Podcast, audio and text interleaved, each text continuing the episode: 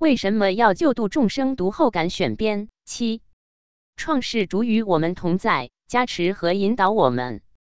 大纪元二零二三年七月二十七日讯，大纪元记者施平综合报道。英文大纪元读者在阅读了法轮功创始人李洪志大师发表的两篇文章《为什么会有人类》和《为什么要救度众生》后，纷纷来信表述文章引发起的理解和思考。有人说感到温暖，感到振奋；还有人说李大师文章唤起了我们的神性，创世主与我们同在，并加持和引导我们。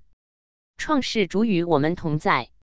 读者泰勒·亚荣写道。他在拜读李大师的文章后，心中感到非常充实，因为他特别喜欢这种科学说明的宗教概念。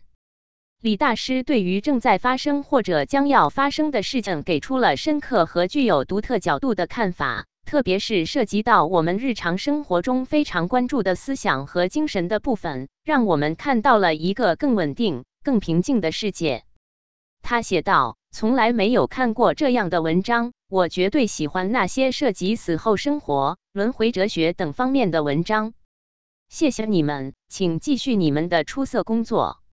犹太教读者奥斯里写道：“所记录的内容与宗教信仰之间的准确性令人惊讶。”另一位卡巴拉教师和整体精神心理治疗师的读者本海默也持有相同的看法。他写道：“这里。”有一种基本的理解是如此的相似和统一，即我们必须努力坚持善，与善相联系，并相互善待。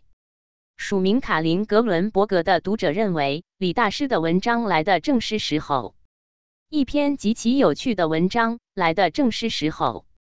他写道：“创世主与我们同在，并加持和引导我们。如果我相信某条道路是正确的。”而且全心全意的相信，那么他就与我同在。一位基督徒读者说：“这篇文章让我非常感动。”我谦卑的同意李大师对末世的描述：“我们都是上主的子民，人应该在世界范围内传播善。”一位名为索尼娅·兰德斯的读者第一次听说轮回的概念，大为惊诧。他写道：“我没有意识到全世界的人经受了这么多次的轮回之苦。”这让我很震惊。这是一篇非常好的文章。一位基督徒读者丹尼斯·维拉德写道：“他虽然不能理解李大师文章的全部内容，但是他喜欢文章对创世主的描述。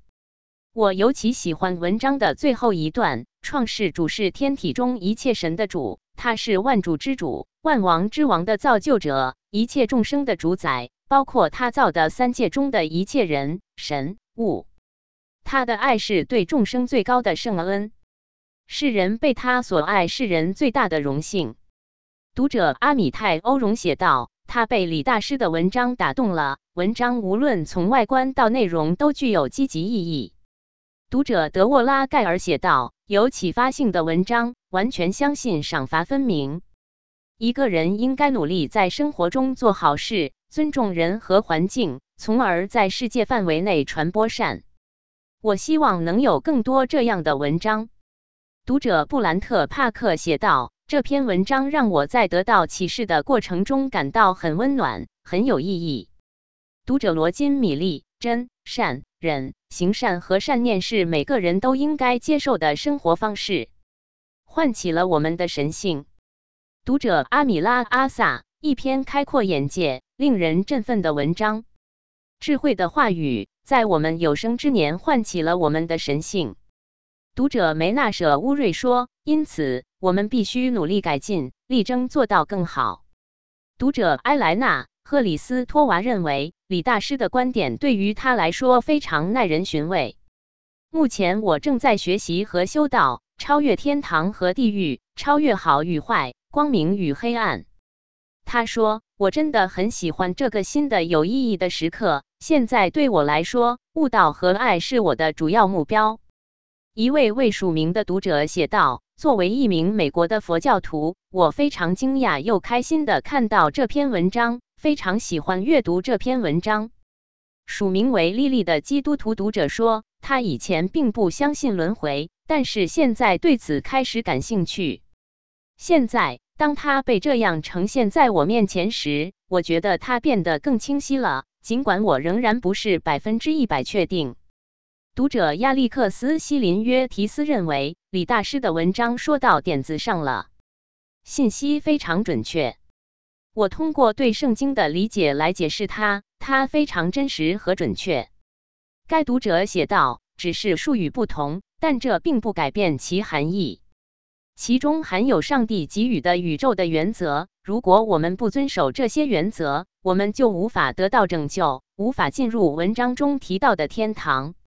责任编辑：孙云。